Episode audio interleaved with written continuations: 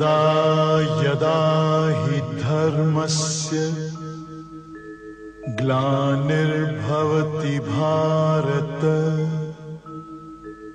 अभ्युत्थानम् अधर्मस्य तदात्मानं सृजाम्यहम् परित्राणाय साधूनाम्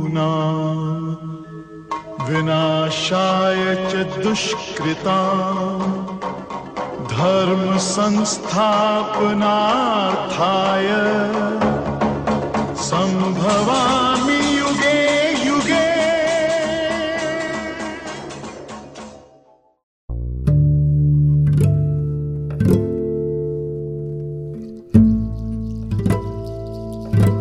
ओम स्वस्ति अस्तु। सोबत Hindu Times di dalam podcast eh, episode-episode podcast kita yang telah lalu. Telah banyak sekali topik yang kita angkat. Dan Srila Guru Pandita telah memberikan jawaban-jawaban beliau. Dan semoga Sobat Hindu Times senantiasa setia bersama podcast Hindu Times. Karena dalam kehidupan ini informasi-informasi rohani terutama dengan yang terkait dengan kehidupan kita sehari-hari sangat kita butuhkan.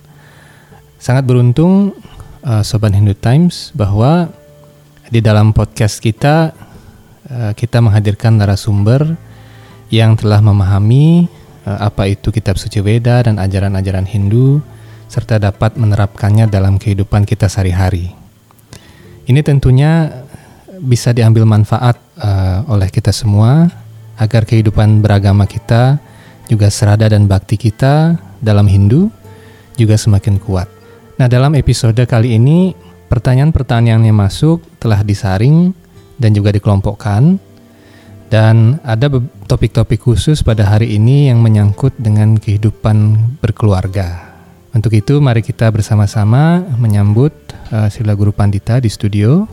Om Swastiastu Sila Guru Pandita. Om Swastiastu. Baik Sila Guru Pandita, terima kasih kembali telah hadir di studio Hindu Times Channel 108. Pertanyaan uh, yang menarik Guru Pandita dari netizen uh, dalam episode kali ini adalah menyangkut tentang kehidupan berumah tangga. Nah, yang paling dasar Guru Pandita, apa saja kewajiban suami istri di dalam ajaran Hindu? Dan apabila dilanggar, apa saja hukuman atau dosanya? Kalau di manusia mita atau manusia seperti itu sudah dijelaskan sana bahwa suami punya kewajiban sendiri, istri juga punya kewajiban tersendiri. Mereka juga kitab suci beda yang lain seperti di Bhagavata Purana, di Sarasa Musaya, kemudian di Brahma Wairta Purana dan sebagainya, masuk di Mahabharata juga sebenarnya kewajiban suami istri itu yang utamanya adalah melakukan pengabdian kepada Tuhan untuk mencapai moksah. Prinsip dasarnya adalah moksartam jagat ita yece iti dharma. Itu artinya bahwa dharma sini kewajiban. Kewajiban dia di muka bumi ini adalah untuk mencapai moksah intinya. Karena itu kehidupan berumah tangga adalah satu hal yang sangat prinsip dalam kita sebagai manusia yang sangat menentukan di sana berhasil tidaknya melaksanakan kewajiban itu. Karena kehidupan berumah tangga kalau kita salah akan justru menjerumuskan kita bukan untuk mencapai moksa tujuannya. Hanya kita mencapai jalan yang lain. Sementara di dalam Bahawa kita bab 9.9 dikatakan bahawa Samuhang sarbotesu name pria dan seterusnya bahwa aku tidak iri kepada siapa pun aku tidak berat sebelah kepada siapa pun. Aku bersikap sama terhadap semuanya. Tetapi siapa pun yang mengabdikan diri kepada aku. Sana dikatakan kan? Ye bajanti tu membaktia di sana siapa pun yang bisa mengabdikan diri kepada aku hmm, dalam bakti dialah kawan dia berada dalam diriku dan aku pun kawan baginya kalau kita muksah itu tujuannya kan supaya kita bersama Tuhan.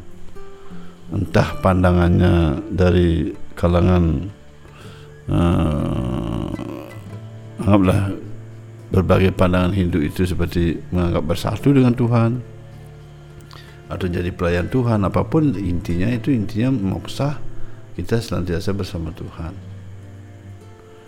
Sekarang kehidupan gerasa itu pertama bahwa harus sepakat bersama-sama.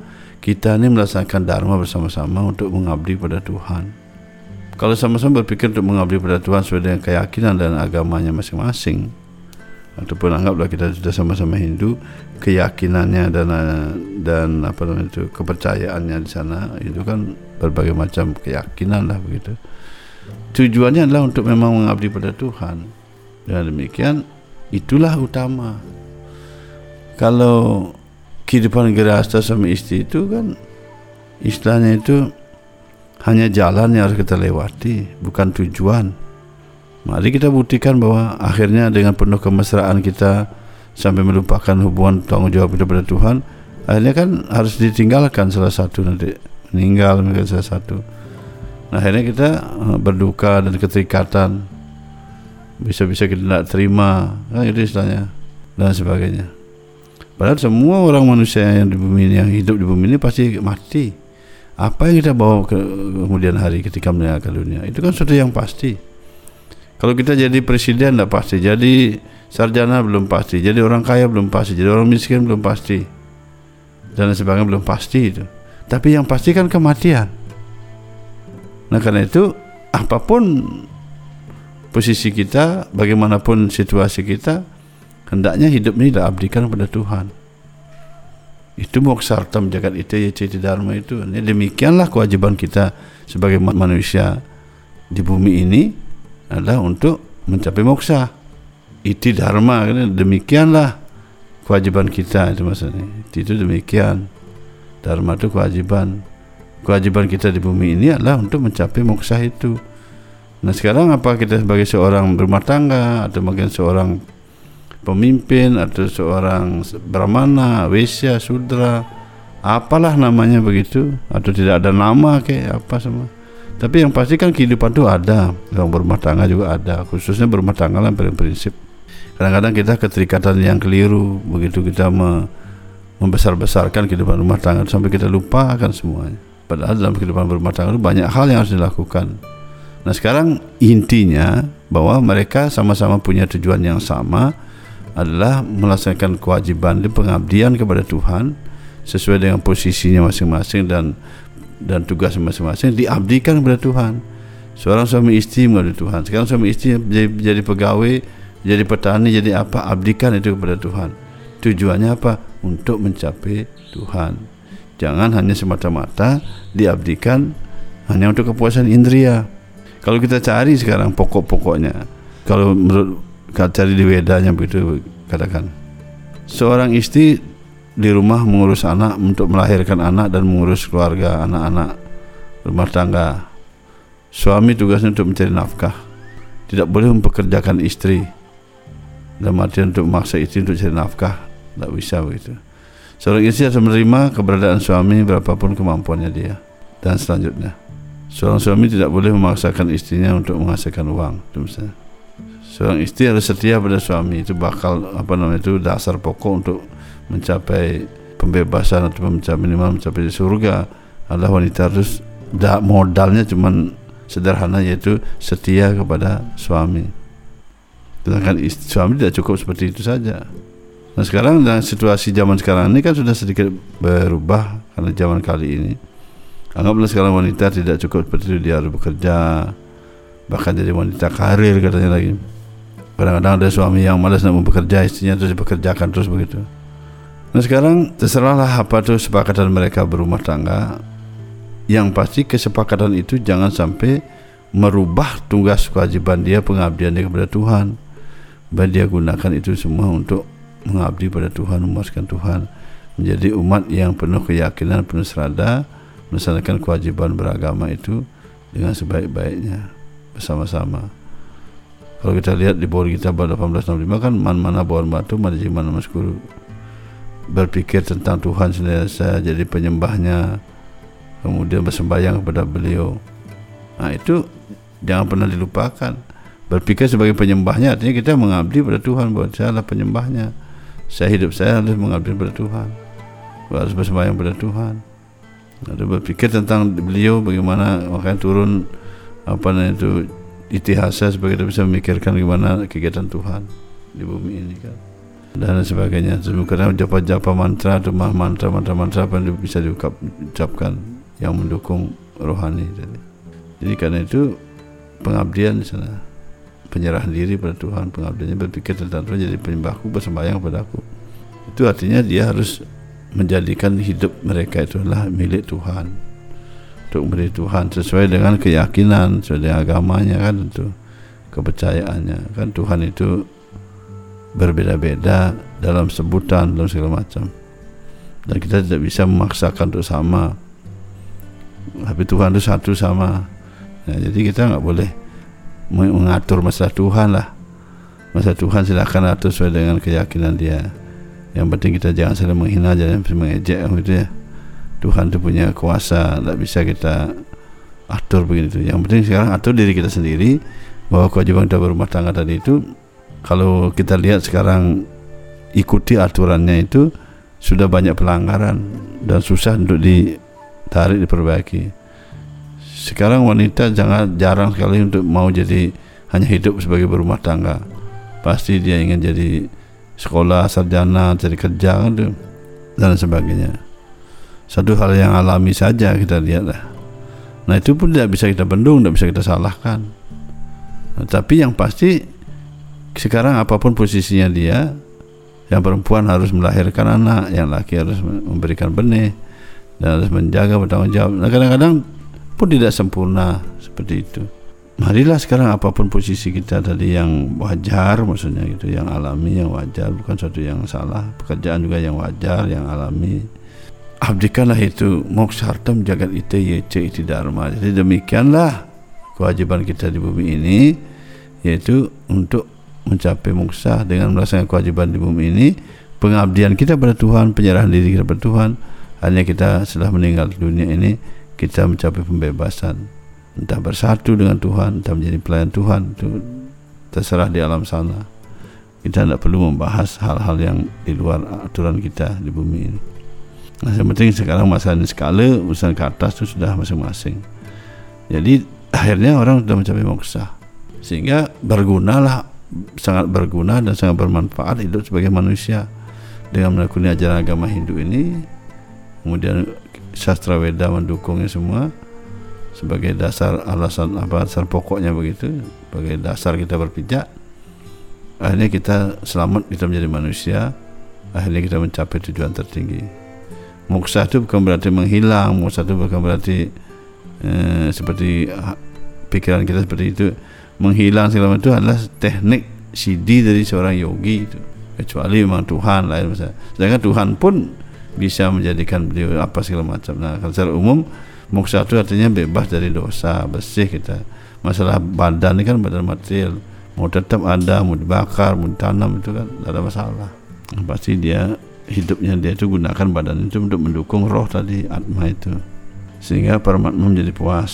Nah itu saya sampaikan ya. Jadi itu kewajiban sebagai suami istri itu adalah kalau saya katakan banyak, nanti banyak yang di jadi bingung mikirkan secara umum saya sampaikan bahwa enaknya sekarang apa apa pun kewajiban semua tadi kadang-kadang seperti tadi istrinya yang kerja suaminya tidak kerja ada seperti itu tetapi yang pasti kita sama-sama bertekad bulat mengadakan perjanjian agreement istilah suami istri menjaga semua uh, hubungan mereka adalah pengabdian pada Tuhan. Mari kita abdikan hidup ini kepada Tuhan. Dengan menekuni ajaran seperti tadi pokoknya ada berpikir bersembahyang bersujud dan penyembahnya. Ada deklarasi menyatakan diri bahwa saya penyembah beliau. Jadi dengan demikian amanlah. Semua berjalan dengan bagus. Eh, jadi suami istri berjalan dan kita bisa meninggalkan dunia kemudian hadir dengan cara yang baik. Ya seperti itu. Baik Guru Pandita. Kemudian apa kewajiban orang tua kepada anaknya? Kewajiban orang tua kepada anaknya. Itu kan sesuai dengan sejarah di Bhagavata Purana jelaskan Dewa Brahma itu memerintahkan kepada Prajapati untuk memberikan keturunan. Nah, Prajapati itu artinya dia yang bertugas memberikan keturunan itu artinya Prajapati. Kan itu ada banyak para Prajapati. Dari Brahma dari Dewa Brahma menurun siapa pun sampai para bapak-bapak ini itu Prajapati sebenarnya. Itu maksud Prajapati itu artinya yang bisa memberikan keturunan dan memenuhi bumi gitu Dewa Brahma harapan kan? Nah sekarang maksudnya apa? Dengan melalui sarana suami istri sehingga atma-atma yang bertebaran di mana-mana itu mendapat kesempatan untuk lahir menjadi manusia dengan menjadi manusia dia bisa mengabdikan hidupnya pada Tuhan. Tadi mau sartam jagat itu cita dharma itu. Ya, pada Tuhan dengan mengabdikan hidup pada Tuhan maka dia akan tertuntun menuju alam rohani atau minimal planet-planet surga. Dia berjalan menuju ke atas. Ya, karena kehidupannya memang harus seperti itu. Ya, kehidupannya harus memang tertata sedemikian rupa bukan semau kita. Lalu kewajiban sekarang pertama kewajiban orang tua pada anak itu adalah bagaimana bisa menurunkan anak-anak yang dimaksud anak-anak yang bisa siap dituntun dalam kehidupan ini mengabdi pada Tuhan. Setelah lahir apa kewajiban menjaga anak-anaknya supaya hidup dalam serada dan baktinya kepada Tuhan. Tentu bukan berarti kita mengajarkan anak fanatik tidak, tapi dengan seperti dibekali seperti itu di mana pun kapan pun mereka dia siap hidup ini karena dia sudah memahami bahwa dia pelindungnya Tuhan bukan orang tua orang tua kan terbatas tapi Tuhan kan tak terbatas melindungi. Itu kewajiban orang tua baik suami istri pertama. Tujuan melahirkan anak itu bukan hanya untuk punya anak diajak sayang-sayangan terus warisan tidak. Justru maksudnya melahirkan keturunan itu adalah supaya membantu sang atma itu bisa masuk ke badan melalui kandungan seorang ibu kemudian setelah dia lahir anak-anak itu semua belajar untuk mengabdi pada Tuhan. Dengan mengabdi pada Tuhan nantinya dia pasti juga mengabdi pada orang tua. Pasti juga menghormati siapa pun yang lain. Ya. Kalau masalah tadi jadi nafkah, sekolah kan itu kan perbincangan duniawi. Jadi secara aturan akademis pun sudah mengerti ada pendidikan moral, ada pendidikan apa namanya itu dipekerti dan ngerti. Jadi yang saya bahas ini agama. Kewajiban seorang ayah atau ibu itu kepada anaknya itu adalah menjadikan dia sadar pada Tuhan. Nah dengan belajar seperti ini nanti usaha duniawi kan mengikuti. Di mana pun dia bekerja dia bisa menjaga kesuciannya, dia bisa menjaga lingkungan, dia tidak mengganggu yang lain. Nah itu maksudnya. Ya ada pertanyaan lain Guru Pandita. Eh, di Bali hamil di luar nikah itu sudah biasa karena tujuannya ingin punya keturunan Bahkan di Bali memang seperti itu kebanyakan hamil dahulu baru nikah. Ini maksudnya di zaman sekarang gitu. Nah, pertanyaan saya adalah apakah memang di ajaran Hindu seperti itu?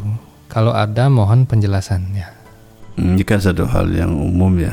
Mana ada ajaran agama yang mengajarkan begitu? Sekarang ada berapa guru agama sekarang di sekolah? Dari SD sampai ke universitas tanyakan kepada mereka. Ada enggak guru agama yang mengajarkan mahasiswanya itu untuk hamil dulu baru menikah. Tidak ada itu kan karena akal-akal mereka saja. Sebagai umat yang melanggar aturan agama. Jadi secara aturan agama maksudnya itu tidak dibenarkan. Orang harus upacara pracista dulu. Sedangkan dia sentuhan pun tidak boleh. Makanya kalau di Bali kan sebelum ada pihak kawan itu kan tidak boleh ke mana-mana kan. Tidak boleh ke pura apalagi. Ini semua kan itu, itu letah istilahnya kan. Ke apa maksudnya? Karena dia sudah dipertemukan seorang suami istri, segeralah dia membuatkan upacara sebelum dia bersentuhan lebih dalam. Baru kita ada sepakatan untuk bertemu saja sudah ada uh, cuntaka itu. Sedangkan suami laki perempuan berjalan seiring sesuai dengan uh, garisnya masing-masing. Nah sekarang kalau dia mau bersa- bersuami istri kan dia ada pendekatan, nah itu harus segera dibuatkan upacara dengan upacara niatnya seperti itu wiwaha. Akhirnya dia sudah disucikan dia dituntun dia dan sebagainya.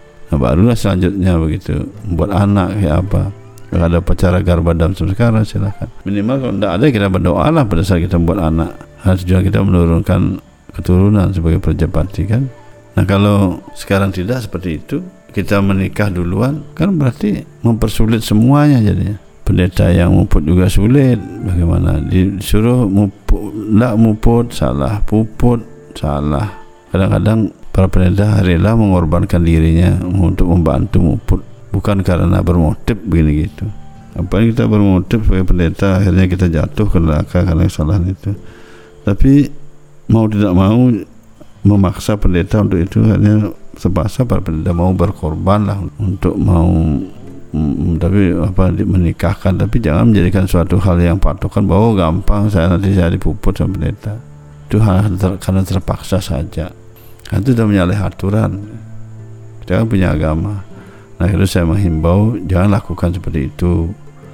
Kalau kita memang ingin menikah saja masalah nanti punya anak ada punya anak itu kan urusan karma saja urusan yang di atas. Kan dia perlu juga kalau mencari istri sama istri kan cek juga sedikit astrologi kan begitu. Gimana hubungan sama istri itu. Nah sehingga sekarang kalau misalnya di luar nikah tuh itu karena keinginan mereka saja bukan karena agama benarkan bukan juga orang-orang suci atau para brahmana atau para pendeta yang mengizinkan tidak ada tidak ada orang mengizinkan seperti itu. Tidak ada sastra juga seperti itu. Bahkan seperti kata tadi di Bali itu orang mau menikah kalau belum kawan itu dia sudah dianggap cinta ke bagaimana itu. Kalau kita anak muda tidak boleh kita bersentuhan sama perempuan yang lawan jenis atau sama laki-laki lawan jenis. Persentuhan itu hanya terjadi ketika mereka sudah mendapatkan upacara pernikahan yang sah dengan kesepakatan bahwa mereka hidup berkeluarga. Jika tidak tidak boleh. Aturan agama itu adalah menghambat kemajuan roh penyucian roh. Karena dengan perbuatan-perbuatan tadi yang salah itu menutupi hubungan kita dengan Tuhan. Tuhan memblokirnya untuk menyisih menyisih dari orang-orang seperti itu. Tentu dalam beda memang ada jalan keluarnya dengan sistem pertobatan istilah kita penyerahan diri. Saro dalam perintah aja mengikat sana raja ahang tuang sepibu musa sani masih caha itu 1866 buat kita. Tinggalkan segala dharma hanya menyerahkan diri padaku. Aku bebaskan kau dari segala dosa kan gitu. Jadi dengan menyerahkan diri kita pada Tuhan sesuai dengan apa keyakinannya ataupun kepercayaannya dan sebagainya. Meyakini Tuhan dalam cara seperti itu akhirnya dia pun bisa selamat karena tadi mereka menyerahkan diri pada Tuhan.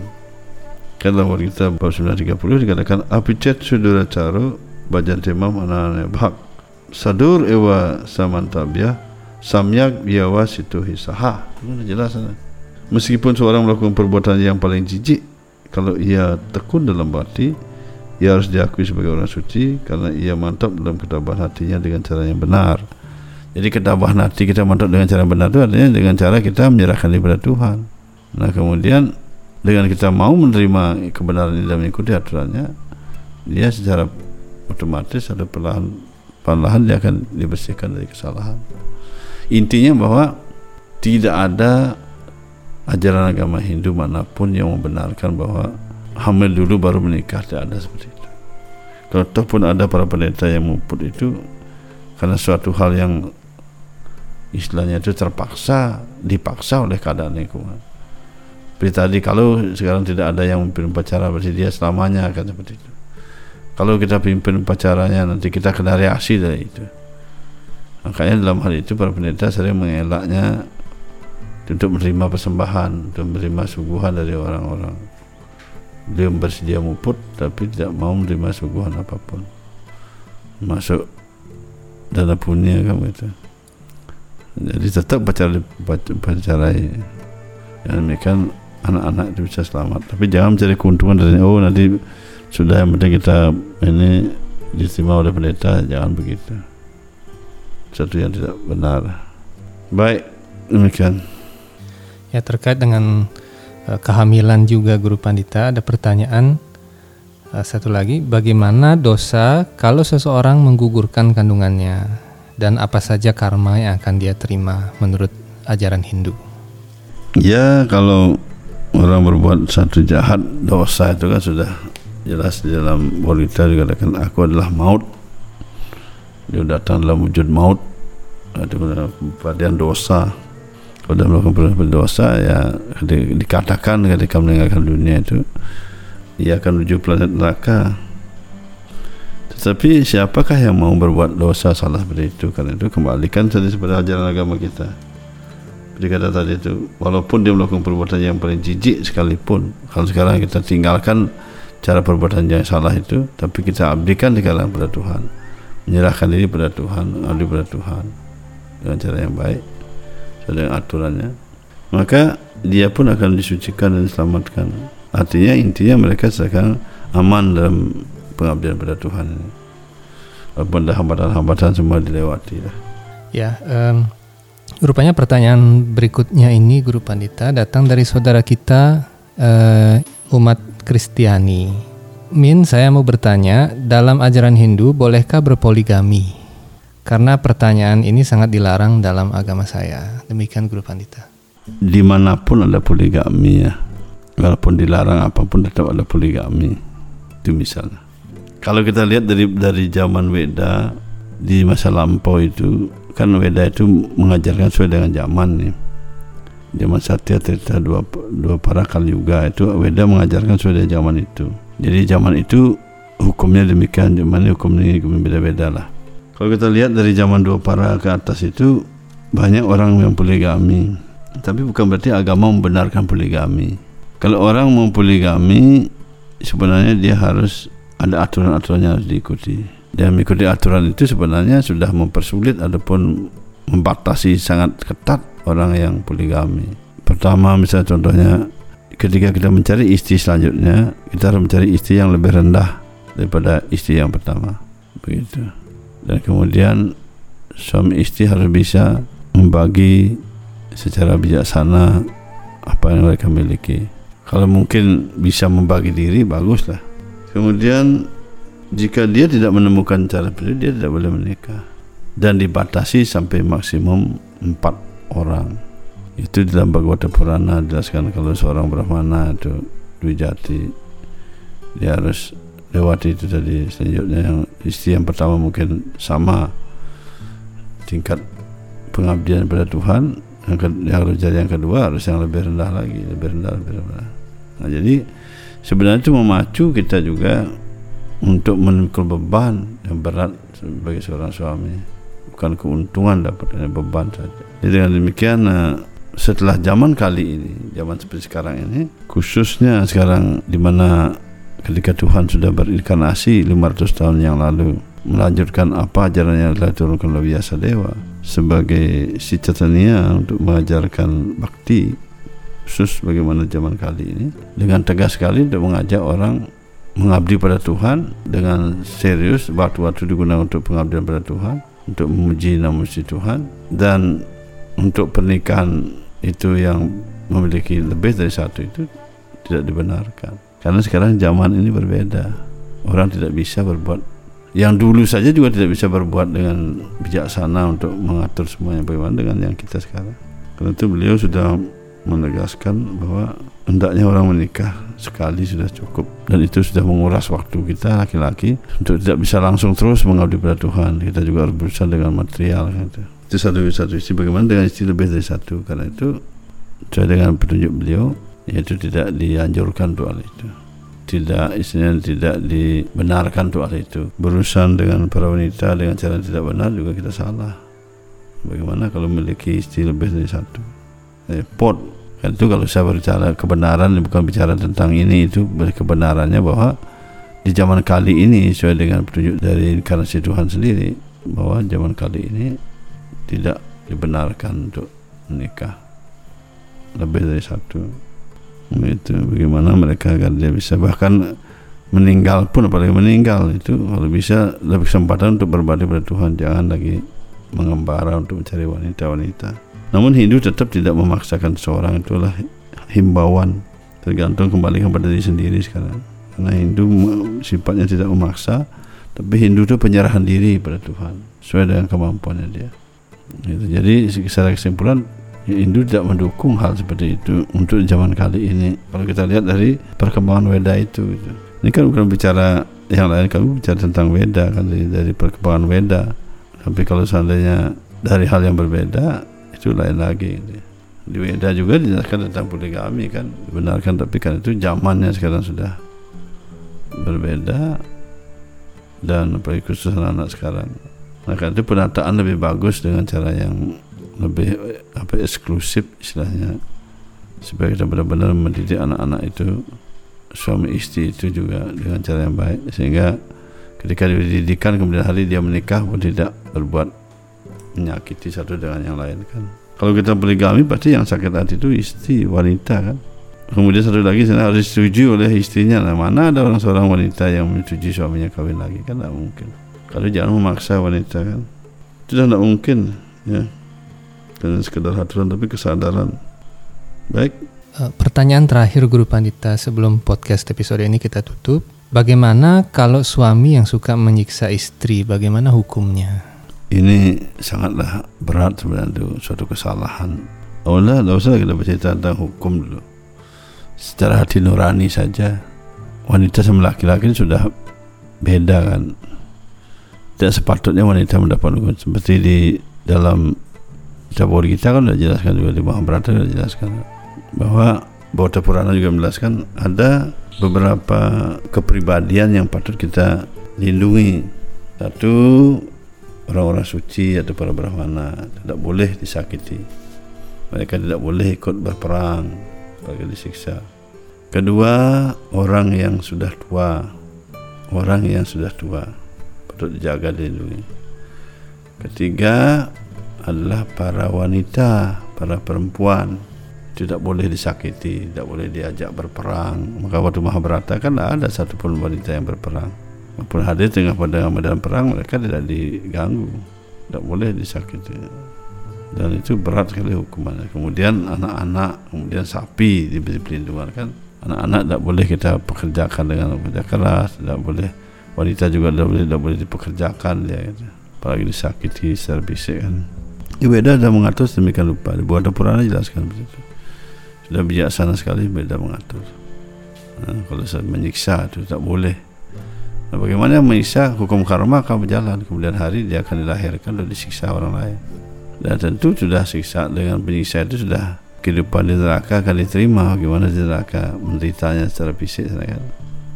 Kalau di bumi ini paling menderita sedikit tidak sampai 5 menit meninggal. Kalau sana tidak pernah meninggal. Terus sakit berputar-putar.